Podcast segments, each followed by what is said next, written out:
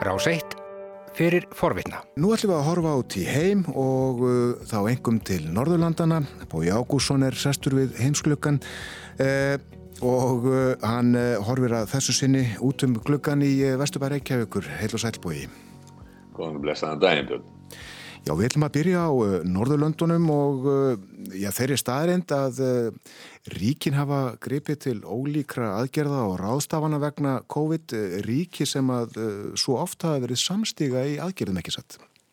Jú, vissulega og um, á símafundi að fjárfundi utanrikiðsra þeirra Norðurlandana fyrir í vikunni þá var lögð áhersla á samstöðuna sem raunar er engin uh, og í yfirlýsingunni var meðal annars talað um það að uh, það ætti að gera Norrlandabúum klift að uh, fara uh, á milli, það er eins og búið að loka á, ferðir og það er svo svakalega til dæmi svíjar sem að ætluð að nota kastróflugvall sem að mjög margir í svíþjóðu gera.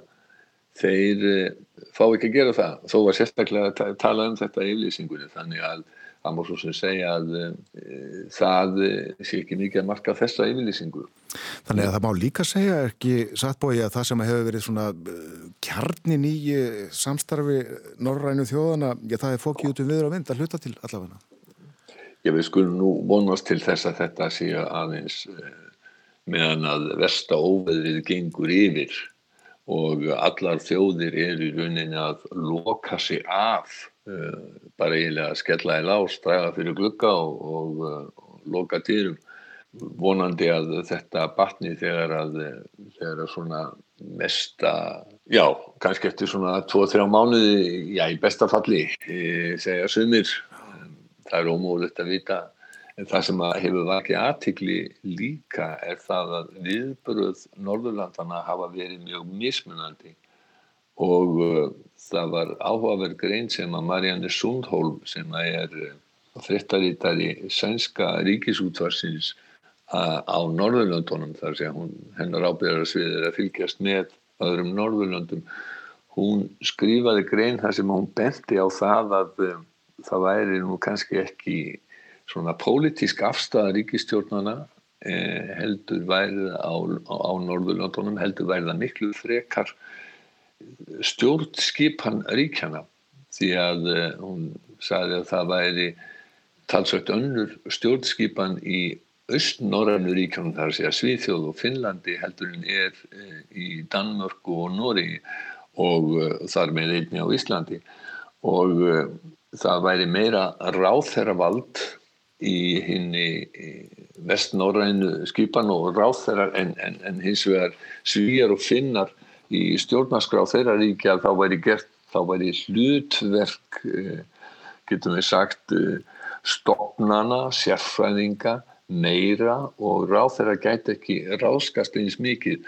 Hugsanlega væri þetta hluti skýringarinnar og því að svíjar sérstaklega hafa brúðist allt öðru vissi viðheldur en bæði normenn og danir. En, en svo náttúrulega líka verðum við að benda á að, að Íslandingar eru með stjórnarskrá sem að margi segja sér nú ekkert annað heldur en bara nánast afrið af dönsku stjórnarskráni frá 1849 og óneitanlega að þá er hún er hún þá flokkuð í þennan vestnorræna hópan ef við varum með vestnorræna stjórnskipanin Íslenski yfirvöld hafa hins vegar viðbröð á Íslandi er, er sláandi lík því sem hafa, þau hafa verið í Svíðsjóð og ásluta til Finnlandi Þetta er áhugavert og uh, margir veit ég sem að, að velta þessu mikið fyrir sér uh, og, og, og kafa ofan í stjórnskipunar lög Norrannur ríkjana þessa dagana.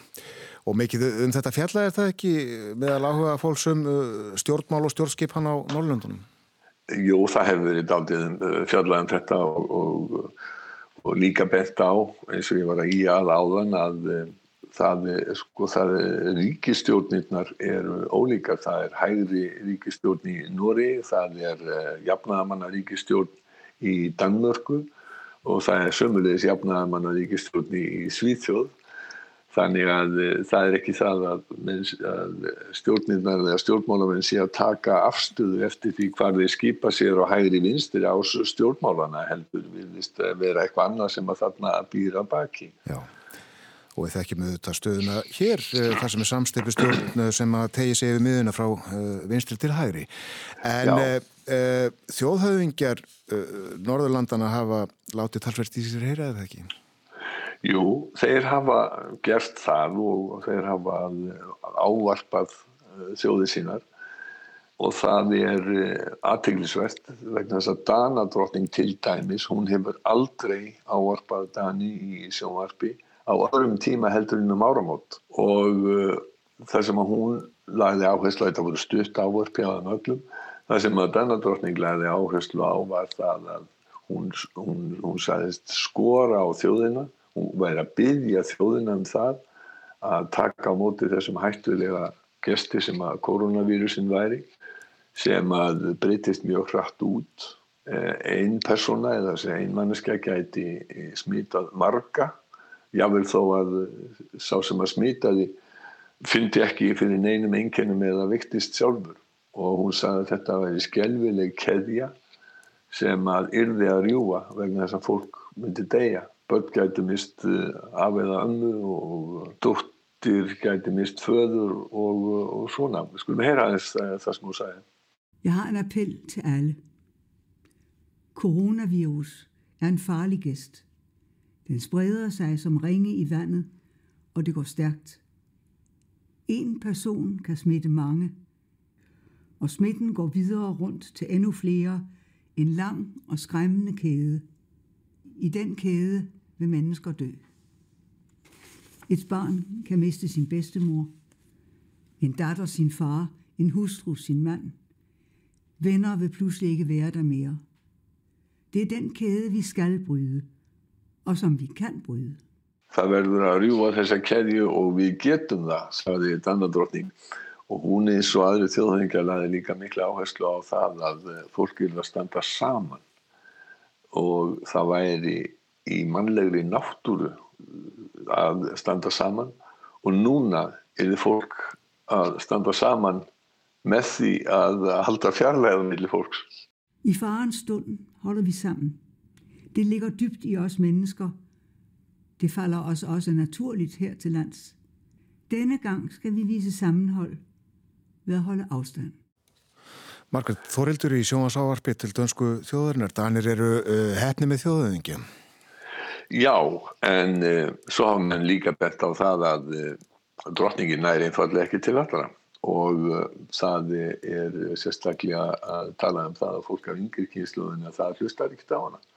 Og uh, tegur ekkert mark á þessu þess vegna hafa dönsk yfirvöld núna reynd að byðla til álítskjafa sem að unga fólki tekur mark á þar að segja fólk sem er með mikið af fylgjendum á samfélagsmiðlum kannski einhverja tög þúsundir fylgjenda á, á, á Instagram og á Facebook og Twitter og öðrum samfélagsmiðlum. Sniðut að virkja, virkja samfélagsmiðla stjórnunar?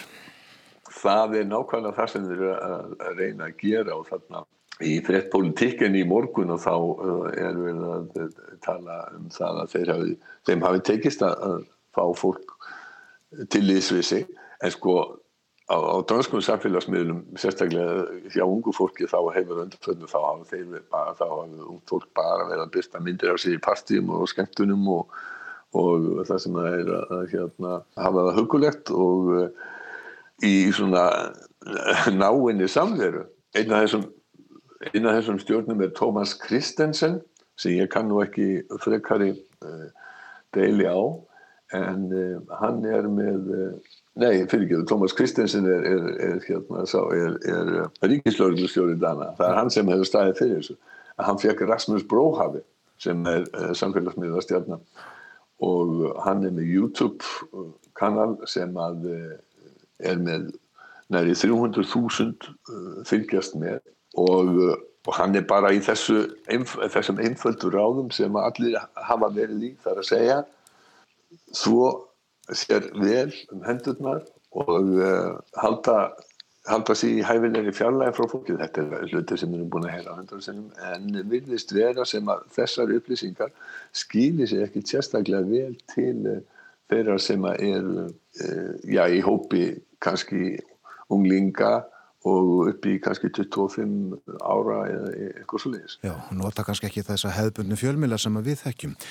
Nei, þeir eru ekki að hlusta okkur núna björn og, og hérna horfa kannski ekki á sjónvarsvettirnar í kvöld mm. og þetta er eh, fólk sem að fæða sínað upplýsingar nánast engungu í gegnum samfélagsmiðlum og þess að verður að ná til þeirra á samfélagsmiðlum eh, í, í þessum tilfelli YouTube og, og eh, já, það eru allavega allnokkrir uh, í hópi þessa fólk sem eru tilbúinir til þess að, að hjálpa yfirvöldum að þessu leiti. Gott. Í Nóri, já, þess að þar var Haraldur Nóregs konugur, 50. Hann kom líka þessum varpið og, og hann sagði að og lagði áherslu á þetta sem að Norræn, Norræn ríki hafa svo oft sagt að sé hið Norræna gull, það er samfélagströstið.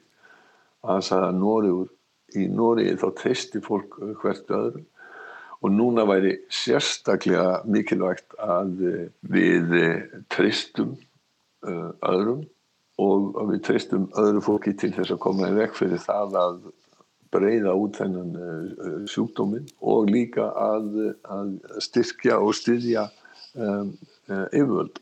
Heyrim í kongi. Norge er kjent som et tillitssamfunn. Nå er det et særskilt behov for å vise hverandre tillit, både til at hver og en tar ansvar for å hindre spredning av smitte, og til at landets myndigheter tar gode og kloke beslutninger.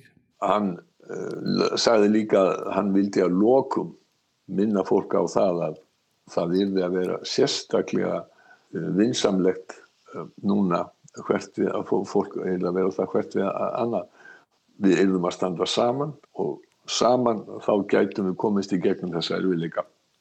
Til slutt vil jeg minne om at alle trenger litt ekstra vennlighet i denne tiden. Sammen står vi i dette, og sammen skal vi klare å komme gjennom det som ligger foran oss.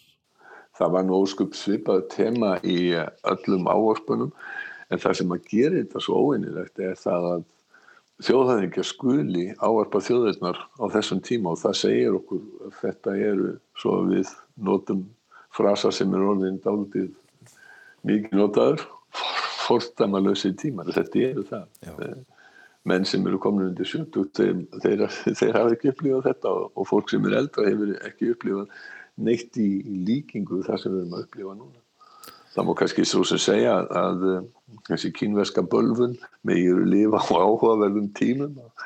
Hún hafi, hún hafi hérna ræst og skollið yfir okkur.